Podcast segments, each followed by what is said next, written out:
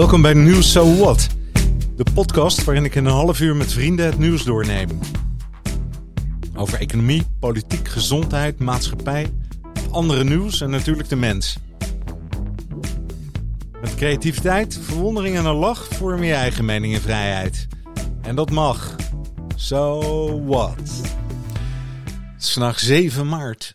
Moderne en Faisal Dalen. Winter on Fire op Netflix. De olieprijs. Ja, ja. We maken ons weer zorgen. En de cancel culture bij accountants. Goeiedag, Michel. Hey Erik, goedenavond. Wij zitten net voor Lubach, hè, nu in de, deze time. Uh, zo slim geprogrammeerd, vind ik dat. Ja. We gaan het hem lastig maken. Zeker. Hey, heb jij Lubach de laatste keer gezien, of niet? Ja, ik, huh? ik, uh, ik, ik, lees, ik kijk hem altijd. Uh, hij is vier dagen in de week nu, hè. Dus, Wat vind je ervan? Ja, leuk. Ja, het, de eerste helft vind ik het leukste, want dat is gewoon de oude Lubach. Maar dan knap hoor, hoe die elke dag weer actueel dat doet. En uh, de tweede helft ben je een beetje afhankelijk van de gast. Uh, de ene keer is dat heel leuk. Uh, maar Herman Brusselmans was leuk. Ronald Goedemond, die cabaretiers, dat gaat wel goed. Rico Verhoeven, dat is dan wat lastiger, die die had. Ja. Dus, maar goed, nee, ik vind het, die tweede helft is niet zo bijzonder. Maar de eerste helft vind ik erg goed. Ik heb het nog niet gezien, daarom vraag ik het. Ik kijk ja. het altijd even terug. Want het is toch een, is een bekende dingetje wat hij doet is toch inspelen op de actualiteit, het met humor, maar ook met feiten weer even net iets anders uh, brengen. Dus uh, ja, ik, uh, ik hou er wel van. Ja. ja. Hey, de cancel culture. Ik denk, ja, gaan die accountants dat nu ook al doen? Ik ben er gewoon helemaal verbaasd over. Ik dacht toch, sommige dingen die zijn zo traditioneel en vast. Ja, waarom gaan die nu mensen, bedrijven, entiteiten ja, je kan, uh, uitsluiten. Ja, ja ik, uh, ik, ik, doe jij eraan mee, Erik, aan die cancelcultuur, of niet? Uh, ik vind het heel dom. En we hebben de hele. Nederland is staat altijd bol, en ik ook. Hè, van ja, luister eens even, China. we hebben het vorige keer ook gehad over die Oeigoeren. En ja, waarom mag je daar in sport. waarom mag je dan niet sporten? Hè? Of. ik vind, en, we hebben het ook heel even gehad over die dirigent. Ehm, het, nou ja, ik, ik denk dat er heel veel kritiek op is ook. Um, maar als ik dan lees, uh, ik doe er zelf niet aan mee, hoop ik. Ik denk, ja, iemand die uit Rusland komt. Mijn werkster komt uit Rusland. Ja. ja. Joh, die mens. arme mensen die ja, kunnen daar helemaal niks aan doen. Ja joh, dat, uh, dus uh, dan, uh, jij, jij hebt ze altijd wel uit de goedkoopste landen, hè, die werksters. dat, het is toch... ja. ja, vind je dat nou om ja. te lachen? Uh, het schoot hem zo te binnen, Erik. Dat, uh, nou, ik ben ook soms een kruidenier hoor, Erik. Maar, uh, want bijvoorbeeld, ik, ik schrok vorige week wel van een nieuwsberichtje. En toen was het namelijk dat de Russische wodka was bijna op. Ik denk, oh, hè, want wij nou, hebben nog worden wel... ze wakker, hè. De, ik, uh, ik, ik nam een slijtertje en uh, was, er, was die Smirnov was gewoon in de, uh, was in de aanbieding. Dus ah. dat, nou, ik denk uh, toch uh, even meenemen. Dus in die zin hè, doe ik ze niet in de band. Ah, waar, waar drink jij vodka mee dan?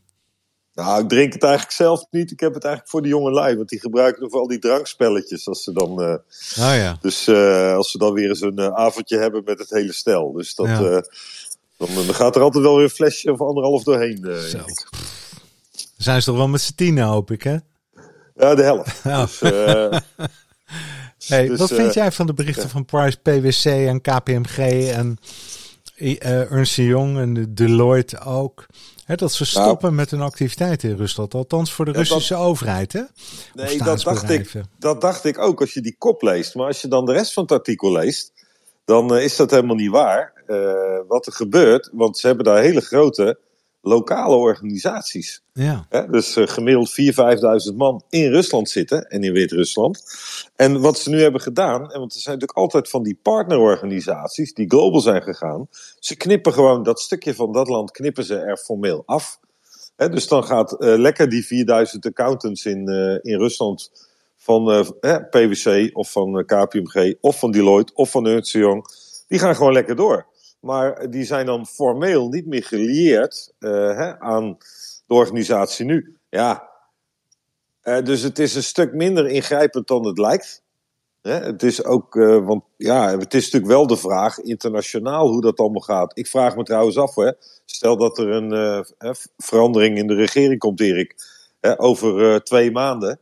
Hè, die gasten zijn ook niet zo dat. Die, die, dan hebben we zo weer een berichtje. Ze zijn er alle vier weer bij aangehaakt.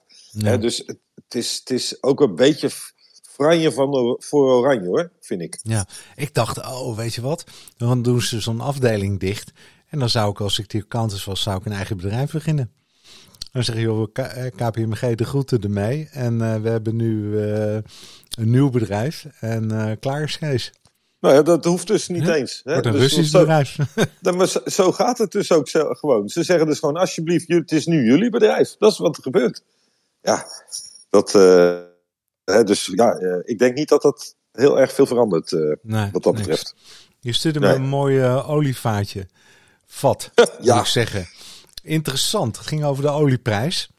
En waar komt het op neer? 1 maart 2014 versus 1 maart 2022. Dus praten we acht jaar verder. Toen kostte de ruwe olie, de Brent, 107 dollar. En nu 106 dollar. Echter, de prijs van de euro was 1,42 en nu 2,27. Rara, hoe kan dat, vraag jij je af. Uh, ja. Interessant, hè? Dus ik ben ook op zoek gegaan. Heb jij dat ook gedaan? Nee, ik dacht, ik, uh, want ik zag hem op LinkedIn langskomen. Ja. Dus ik denk, uh, die stuur ik door naar jou. Was nog best een gedoe. Ja. Want jij, jij zit niet op LinkedIn, dus ik moest. Uh, uiteindelijk lukte dat ook niet. Ik kon alleen maar een fotootje ervan maken. En, en die naar jou doorsturen. Dus, nee, maar het is maar, overgekomen. Nou, ja. ik heb het uitgezocht. ik ben benieuwd. Ehm, allereerst, waar komt onze olie vandaan? 40% komt uit Noorwegen en 40% komt uit Rusland.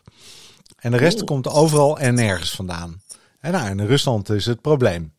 En de OPEC-landen die verhogen de productie nu, dus we hebben niet zoveel problemen als het goed is. Echter, die spinnen daar garen bij en daarom gaat die prijs omhoog. Uh, zo, nou, tot, tot, tot dusver eigenlijk is het oké. Okay. Um, maar dan komt het, waar, hoe wordt die prijs uh, uh, bepaald? In de eerste plaats klopt het uh, hè, wat de prijs toen was en nu was. voor de standaard olieprijs, zeg maar. Hè, wat je mm -hmm. zegt uit 2014, ja. 2022. Um, maar de basis waarop die olieprijs verder is, hè, dus dat, dat is een, een, een basisbedrag voor zeg maar, de euro. Maar wat gaat er allemaal mee gebeuren? Uh, iedereen moet eraan verdienen. Dat, wordt, dat moet bewerkt worden, geraffineerd worden. Dan moet het bij de benzinepomp uh, terechtkomen en vervolgens gaan we tanken. En wat er nu aan de hand is, is dat er, uh, ze noemen dat de dubbele belasting of gelaagde belasting op plaatsvindt. Dus je hebt de, de prijs van, het, van, het, van het product, zeg maar inclusief de winst, zeg maar ongeveer. Daar overheen komt dezelfde bedrag aan belasting en daar overheen gaat nog eens 21% BTW. Dus er gaat BTW over de accijns die de overheid zelf nog een keer erover heeft gelegd. dus het is dubbelop, dubbelop.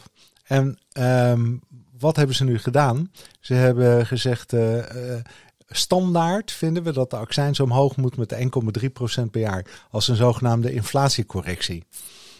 Dus als uh, jaren achter elkaar uh, de uh, inflatiecorrectie wordt toegepast over de accijns. Dus ongeacht de prijs van de olie, hè, dat gaat over de accijns. En ja. daar overheen nog een keer de BTW. Nou, ik denk dat daar de oorzaak zit van het, uh, van het prijsverschil. En natuurlijk, hè, uh, raffineren is duurder, menskracht is duurder, benzinepompen moeten meer hebben, noem maar op. En daar komen die grote verschillen vandaan. En als je nu naar Shell Fuel Safe, en dat is eigenlijk de euro geloof ik, kijkt naar maart 2014 kostte die 1,67. Als ik op de Shell site kijk en nu kost die bij Shell as we speak 2,35. Dus die, die bedragen die kloppen we wel uh, ongeveer. Maar mijn vermoeden is dat daar uh, de truc in zit. Dus eigenlijk gewoon de belasting. En in feite gaat het over hetzelfde verhaal als uh, de energiebelasting in het algemeen van de overheid. Hè? Ze kunnen ja. prima uh, accijns verhogen hè, of een belasting van kok, kunnen ze acuut 25 cent erbovenop gooien. Hè? Maar eraf halen, dat kunnen ze niet. Dat duurt weken, maanden. Ja, tegen die tijd uh, zijn de huishoudens die nu in de penarie zitten, door die enorm stijgende gasprijzen. Ja, die, wat doen ze daarmee? Nou, niks. Wat een slapjanussen. Vind je dat ook niet? Nou, ik wil je sowieso compliment geven, Erik, dat je in zo'n korte tijd, hè, want je kreeg dit bericht pas een paar uurtjes geleden van mij. Ja. En, wij, en wij zaten ook nog in de vergadering tussendoor, dus je hebt niet al je tijd kunnen. Ik vind het. Uh, ik geef je echt een 9 voor, uh, voor het antwoord op deze vraag. Dus, uh, ik weet niet of het klopt, hè? Maar het zijn nou, mijn bevindingen. Het klinkt goed. Hè? ik, ik heb natuurlijk nog wat dingen. Ik denk, hoe zit het dan met een kwartje van Kok? want dat is onderdeel van de accijns, denk ik, hè? Ja, dat is bij de accijns dat, hè, dat, was, dat was toen altijd... Ik zag in de commentaar op LinkedIn dat mensen riepen... Ja, en het is nu de euro van Kaag. Maar ik dacht, ja, maar dat, dat klopt niet helemaal. Want volgens mij zit al die tijd de VVD in de regering. Ja. Hè? Dus, dus dan zou het in ieder geval de euro van Rutte moeten zijn. En uh, het, het verklaart wel waarom de verschillen uh, zo groot zijn met de, de, directe landen om ons heen. En in het kader van, noem het belastingharmonisatie, hè, denk ik dat het toch verstandiger zou zijn om een fiscaal beleid te voeren dat je de verschillen met de directe buurlanden niet te groot laat maken op dit soort exact. dingen. Ja, hè, dat is gewoon. plus, hè, het is ook, hè, als je vraagt wat zou Piketty hiervan vinden, die zou zeggen, ja, dit is nou weer typisch zo'n voorbeeld. Dat je de middenklasse en de armeren laat betalen. Zullen we zeggen. Hè, uh, want iedereen betaalt evenveel voor de benzine. Of je ja. nou minimumloon betaal, hè, krijgt. Of je hebt uh, een, uh, de balken en de norm. Ja. Dus ja. Ja, het is maar goed uitgezocht. en, en ja huiswerk voor de regering, zou ik bijna zeggen. Zo is dat. Hè? En ze moeite ze moeten doen om het af te schaffen, hè? iets. Of een kwartje even af te halen. Weet je wel, ik, ik begrijp het gewoon niet zo. Het is onwil. Hè? Dat is gewoon een moraal. Dat is nou, mijn ik conclusie. Snap, ik, ik, snap het in die zin wel, Erik. Kijk, uh, als je met je landsbegroting bezig bent, het is veel leuker om iets extra geld aan een dossier hè, te geven. Dan gaat er geld in onderwijs stoppen of in zorg stoppen want dan gaan mensen oh, we krijgen er wat bij. Maar als je natuurlijk dit soort maatregelen wil terugdraaien, dan krijg je opeens een gat in je begroting. Want dan mis je gewoon een paar miljard. en waar ga je dat dan weer vandaan halen? Dat is, hmm, dat, is waarom ze dat uh, terughoudend mee zijn. Of even een, een, um, een, een denkertje. Of zouden ze zeggen, nou lekker toch dat het zo duur is. En wat is goed voor het milieu? Daar is op zich nog wat voor te zeggen. Hè, dat vind ik wel nog een punt dat je zegt van. Uh, hè, dus ja, dan, uh, dan zijn we maar heel bewust dat land wat de benzine heel duur maakt. Maar wees daar dan duidelijk in. Hè? Ja. Dat is, dat is net als dat we de uh, sigaretten zo duur maken, omdat dat niet goed is voor onze gezondheid. Zeggen, nou, dan maken wij de benzine heel duur, want dat is niet goed voor de planeet. Maar Precies. dan zou ik zeggen, als je dat dan goed doortrekt in een groen Europees beleid, waarom ga je dan niet zeggen, joh, zullen we dat in alle Europese landen gaan doen? Want als we dat alleen in Nederland doen, is het effect natuurlijk marginaal. Ja. Maar ja, het is, uh, dus dat vind ik wel een reden. Hè, dan, uh, ja, ja, dan ga je er misschien wel minder door rijden. Net als, uh, zet jij hem nu ook je temperatuur thuis overigens ook twee graden lager, Erik? Of, nou, heel stom toevallig. Nou ja, de, de, stom toevallig, dat weet ik niet. We gingen niet over de prijs. Maar gewoon in het kader van de algemene uh, zaken rond het milieu. Uh, dat ik een heleboel geïsoleerd heb. En, uh, de cv-ketel en de boiler extra. En uh, al, alle lampen eruit en nieuwe er, erin. Weet je wel, allemaal LED-verlichting. En dan moet je ook weer andere dimmers hebben. En dan moet je ook weer andere. Nou ja, dus het is niet zo 1, 2, 3 allemaal simpel te doen. Maar ik vind dat het toch belangrijk is. En zoals je weet, rijd ik elektrisch. dus dat maakt ook niet veel uit. Mijn eigen zonnepanelen. Dus ik, uh, ik, ik denk dat het wel, wel goed komt. Maar ik kan een heleboel mensen die gewoon op gas een cv-ketel thuis hebben.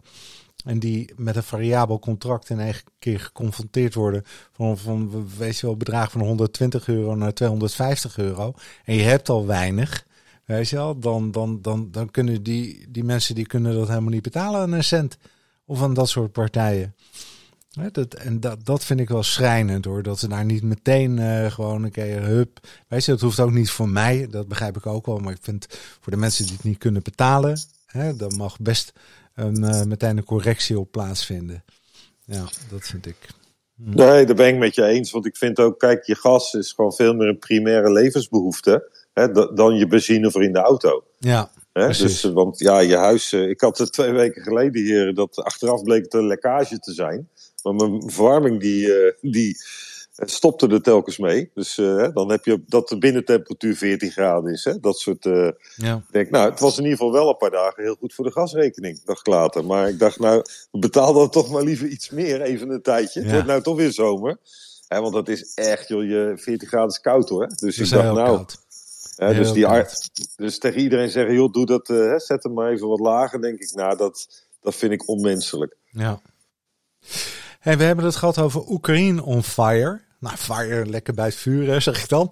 we hebben het net over de kou. En maar jij kwam met de film Winter on Fire aan. Ja, wat was dat? Nou, we hebben vorige week natuurlijk gehad over de Oliver Stone documentaire. Hè, waar, die we allebei heel goed vonden. De, eh, vanuit op een kritische manier hè, uh, de rol van de Amerikanen uh, zullen we zeggen, aan het licht brengen. En dan krijg je ook wel een beetje een, de andere kant van het land de Oekraïne te zien. Uh, Winter on Fire is eigenlijk een documentaire eh, gemaakt uh, in Oekraïne over de periode uh, 2013-2014 in de winter, toen een aantal maanden lang het groot belangrijkste plein in Kiev bezet was tegen de toenmalige dictator die er zat. Ja. Kovitsky? Ja, ik, ik, reken, ik reken hem goed. Ik, hij is toch al lang weg, dus dat...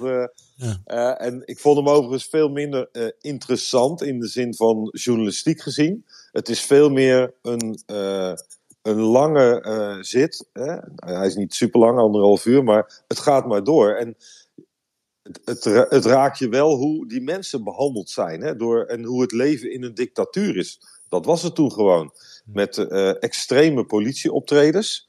En wat het mij vooral uh, eigenlijk waarom ik het interessant vond. A, dacht ik, het is leuk om twee documentaires vanuit twee kampen eigenlijk te zien. Ja.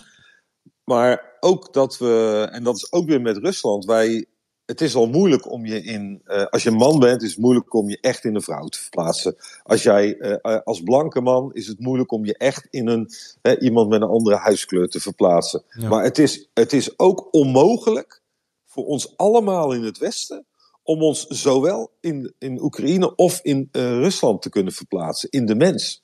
Want als je die documentaires ziet, dan krijg je toch veel meer mee wat die mensen allemaal meegemaakt hebben, ook nog heel recent. Ja. En, en dan snap je ook dat wij, hè, allemaal, nu hebben we ook vanavond zo'n actie, zo'n 555-actie. En natuurlijk, het is allemaal heel erg wat er gebeurt. Maar die, mensen, die mensen gaan echt niet daarmee stoppen, aan beide kanten niet. Nee dat, dat wij zijn echt watjes vergeleken met die mensen. Ja. Dus, dus ik, ik vond het, het, het maakte mij nederig ten aanzien van hoe moeilijk is het om in de ziel te kruipen. En ook, ook verhalen die ik afgelopen week ook weer hoorde, blijkt dat er. het is natuurlijk heel lang, uh, in die Sovjet-Unie-tijd, gingen al die volkeren, die, die gingen overal heen door het land. En die trouwden ook met iedereen. Het blijkt dat er heel groot percentage van wat we soms nu Russen noemen, hebben Oekraïense voorouders of andersom. Dat is gewoon allemaal familie. Ja. Er hebben gewoon mensen van de opa en oma's. Er zit de ene kant in de ene eh, land en de andere in het andere land. Ja. Dan word je toch dubbel verscheurd in zo'n situatie. En als je dan de Russen gaat bashen, wat wij nu allemaal aan doen zijn, hè, de Russische mensen, joh, die zijn net zo slachtoffer als de Oekraïense mensen. Ja dat is. Uh, ik, ja, en wij spelen gewoon dat spel omdat wij willen eigenlijk uh, powerplay spelen. Om die regimes uh, eigenlijk te dwingen een andere keuze te maken. Of eigenlijk een ander regime. Poetin wil een, een, weer een ouderwets Oekraïns regime installeren. Wat weer lijkt op hoe die het in Rusland en weer Rusland heeft. En wij in het Westen willen dat Oekraïne democratisch regime blijft. Ja. Maar ja, tegen welke kosten? Ja. Want die mensen betalen de rekening dat wij dat willen. Ja. Ja, ben ik helemaal met je eens. Ik, ik, vraag me dan ook af, uh, ja, misschien mag je dat niet afvragen, buiten dat ik alles voordeel, et cetera, et cetera, natuurlijk. Ja, maar die Zelensky, ik denk, ja, moet je nou blij, moet je gaan vechten tegen Rusland, tegen zo'n grote overmacht? En wat doe je je eigen volk aan? He, zo zou je er bijna ook naar kunnen kijken. Denk je, dan, dan neem het in, neem die stad in. En uh, laten we het verdelen, maar laten we in ieder geval vrede hebben.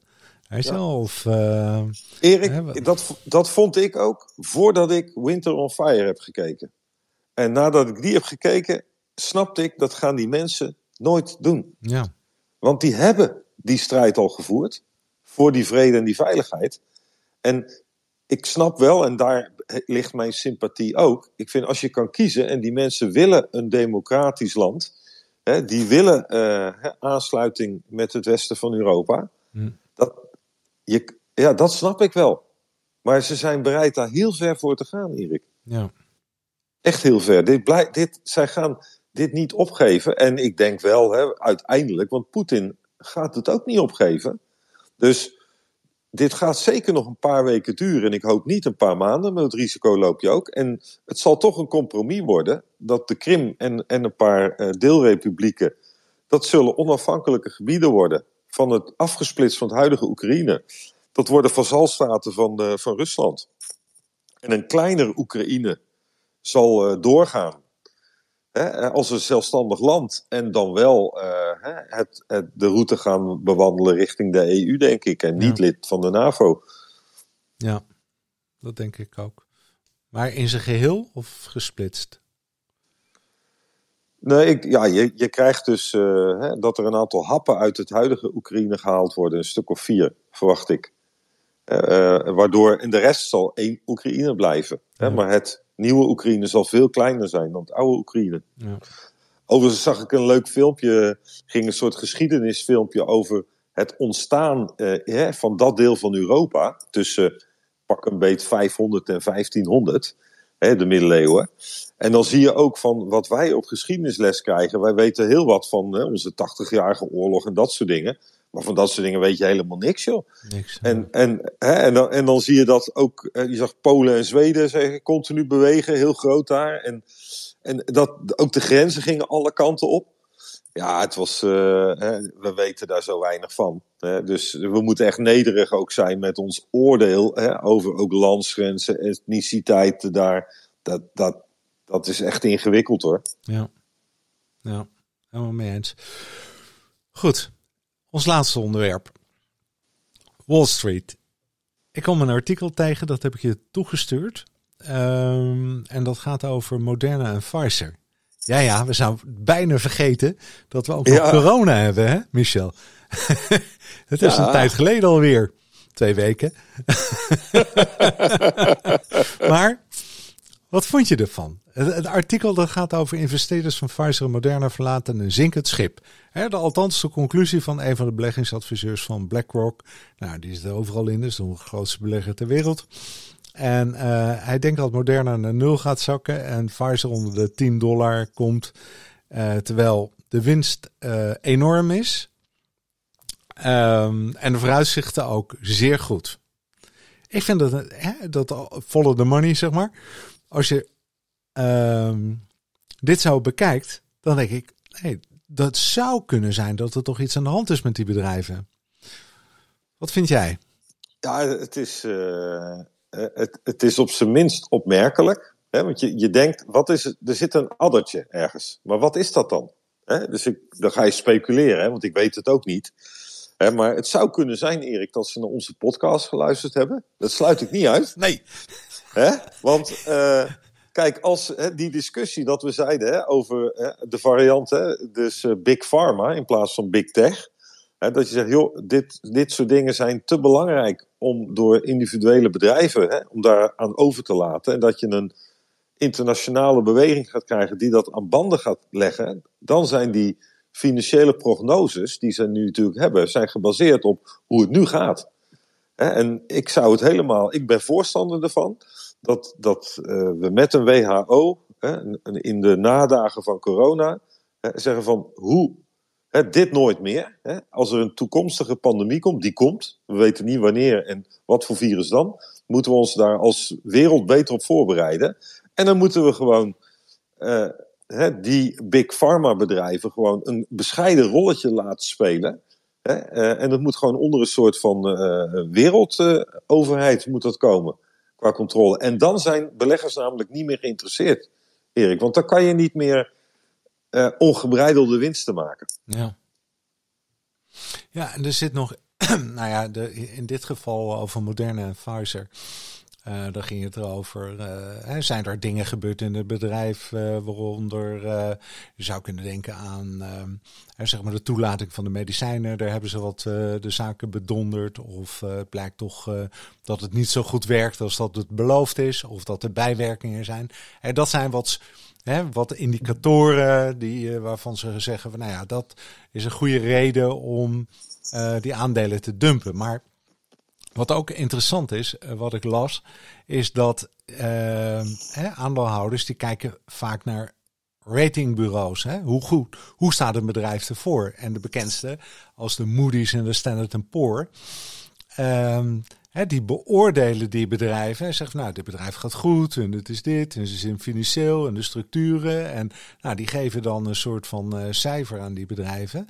En dat is een, eigenlijk een soort van basis hè, waarop uh, een, een, een, koers bepaald wordt, misschien wel. Hè, of mede bepaald wordt, laat ik het zo maar zeggen. Maar vervolgens blijkt dat die ratingbureaus, die worden beloond en betaald door de bedrijven die ze zelf beoordelen. Nou ja, iedereen. hè? Ja, dat is toch te, te dol voor woorden. Dus uh, een, een, een, bedrijf als Moody's, hè, als gevolg daarvan hadden ze alle reden om bedrijven hogere ratings te geven. Hè? Want uh, uh, je moet je voorstellen dat. ja, wie hebben er belang bij aandelen? Dat zijn de aandeelhouders, directie, de groei, eh, de mate van hoe ze eh, financieringen kunnen aantrekken, eh, noem maar op. Dus iedereen is gebaat bij op het feit dat het omhoog gaat. Nou ja, wanneer het een keer naar beneden gaat, dan, dan moet je bukken en snel wegwezen. Hè, dus er zijn allerlei belangen, met name rondom aandelen natuurlijk, omdat het vrij helder is wat daar gebeurt. Hè, waarin je gewoon een zelf, van zelfverrijking tot op een andere manier misbruik kan maken van, uh, van dit geheel. In dat artikel wordt ook uh, gesteld hè, dat de, de, de. We weten het eigenlijk ook wel, hè, dat al die professionals, of het echte grote professionals die er bovenop zitten en die weten wat er gaat gebeuren met die bedrijven, hè, die zijn er als eerste uit. En, en wij, als ik nou een aandeel Pfizer zou hebben, ben de sukkel en ik hobbel erachteraan. En als dat ding uh, al op de, op de bodem zit ongeveer, dan ga ik het ook eens een keer verkopen. Terwijl die andere gasten er al lang uit zijn. Hè? Het is gewoon, eigenlijk is dat hele gebeuren met die, met die aandelen. Ik ga nog maar een stapje verder. Het is een beetje, het is vraag om ellende. Eh, vind jij dat ook, Michel? Ja, eh, ik had met, mijn zoon nog gesprek erover. Die, over, over beleggen en adviseren en zo. En toen ik in mijn eerste studiejaar vroeger zat ik ook in zo'n beleggingsclubje. Hè. Dat was leuk, zelf beleggen. Hè. Maar ik doe dat al jaren niet meer, Erik. Want dit is zo'n professionele wereld geworden. Dat als je dat zelf gaat doen, ben je altijd, heb je minder informatie. Je bent altijd te laat. Hè, dus dat moet je gewoon bij professionals laten. Hè, de, hè, dit moet je, dit, dit, die weten veel meer en die kunnen ook veel sneller reageren. Je hebt zelfs die flitshandel gehad, hè, dat bedrijven in Amerika voor fracties van milliseconden eerder de informatie te hebben op tradingposities konden opnemen. Je bent kansloos ja. bij dit soort dingen. En die volgen natuurlijk ook dit soort brede ontwikkelingen, absoluut. En kijk, ik schrik wel wat jij zegt over die uh, Moody's en Standard Poor's en zo. Want ik moest gelijk denken namelijk aan uh, begin Ormit tijd, jaren 90, had je die Henk Mulder maakte van die boekjes de beste bedrijven om voor te werken. ja. dat, dat leek ook zo'n ranking. Ja, ja, daar stonden alleen maar bedrijven in die betaald hadden. Als die niet betaalden, kwam er niet in een boekje. Nee. dus, maar ik dacht, ja, dat is dat soort nog netmarketing. Hè? Dus net als dat we allemaal prijzen verzinnen met elkaar. Maar, maar, maar dat, dit soort, ja, uh, ik, bij Moody's denk je toch, dat zal wel onafhankelijk zijn. Ja, dus, dus ook dat is dus niet onafhankelijk. Kijk, jij noemde wel hè, dat voorbeeld van zou die medicijnen niet goed zijn. Kijk, een slager kan niet zijn eigen vlees keuren hè, in die wereld. Dus je kan wel big pharma zijn, maar hè, andere mensen zijn de scheidsrechters. Hè? Er zijn onafhankelijke instanties die dat doen. En als die medicijnen toelaten hè, die uh, niet goed zouden uh, blijken te zijn, dan ligt daar uh, het belangrijkste oorzaak. Hè? Ja. Dus, dus de FDA goed, bijvoorbeeld. Bijvoorbeeld, ja. Ja, maar je moet dan weten dat de FDA ehm, er is dan een partij die de farmaceutische producten controleert. En 50% van hun budget komt van de farmaceutische industrie. Dus die gasten die moeten, die betalen de FDA. Dat is ook vreemd. Want ik zou zeggen, de FDA, dat is gewoon een overheidsbedrijf. Vind je dat niet? Ik, ik, ik, ja, ja, ja, het is, het, ja, Amerika is af en toe ook wel weer een raar land. Hè? Dat, het wil niet zeggen dat dingen hoe ze daar georganiseerd zijn, maar het is bij ons. Hè, je hebt hier toch die grote Europese tent, was ook qua werkgelegenheid, die naar Nederland ging. Die de ja, dat agentschap voor, uh, voor ja. of niet? Of een ja, andere club? Ja. ja. Eh, ik kan even niet op de naam komen, hè, maar ik weet dat ze, hè, volgens mij gingen ze naar de Zuidas. Het was, was, was prestigieus om dan zo'n Europees instituut binnen te halen. Maar die worden toch niet door de farmabedrijven betaald bij ons? Volgens mij wordt, zijn dat gewoon ambtenaren allemaal bij ons hoor. Dus. Um, het Europees Geneesmiddelenbureau. Dat was het. Ja. Dat komt ja. uh, onze ja. kant op. Hè? Nou, het zou interessant zijn om te, om te zien waar die hun geld vandaan hebben. Ja, uit Europa. Hè? Dat, dat lijkt me dan ook evident. Hè? Dus eigenlijk een open deur dit. Maar voor Amerika vond ik het wel een vreemd uh, verhaal in ieder geval. De, en en ze, ja, niemand heeft er belang bij dat het fout gaat. Dat is ook waar. Ook een FDA niet. Valt je trouwens op dat, uh, dat Fauci zo'n beetje verdwenen is? Kan ook door de oorlog komen in Oekraïne. Maar daar gaan ook speculaties over, hè? In Amerika. Hij, hij, hij, wordt niet meer, hij is niet meer in zicht. Hij komt niet meer in persconferenties. Hij is een beetje aan de zijkant gezet. Zo lijkt het, hè? Maar misschien is dat de hoop. Ik weet het niet. Ik uh, weet het ook niet, uh, maar ik, ik ja. heb er niet op gelet ook eventjes, nee. moet ik eerlijk zeggen. Dus kan zomaar, uh, ja. We hebben het over andere dingen. Hè? Dat is ook meer dan terecht. En dat is de armoede die um, in Oekraïne is. Het heeft, maar het houdt onze aandacht, hè? toch Michel? is beloofd, ja, hè? We zeker. blijven naar die coronatoestanden kijken. Het kan zeker. niet zijn dat het ene nieuws het andere wegdrukt. We blijven kijken. We zijn er, we zijn er nog niet klaar mee, Erik. Maar uh, we hebben, volgens mij gebeurt er nog genoeg. Dus we hebben ook volgende week weer genoeg te bespreken, volgens mij. Zo is dat. Ik wens je een mooie avond. Zeker. Dag, Jij ook, Erik. Hoi. Hoi, hoi. Ja, zo was 7 maart over de aandelen van uh, Moderna en Pfizer als laatste. En dan ben ik ook echt, hè. We moeten gewoon niet... Uh, laten verstonzen. Alles is belangrijk in deze. Maar onze uh, gedachten gaan natuurlijk uit. En het hart gaat uit naar het verdriet op dit moment. All the best.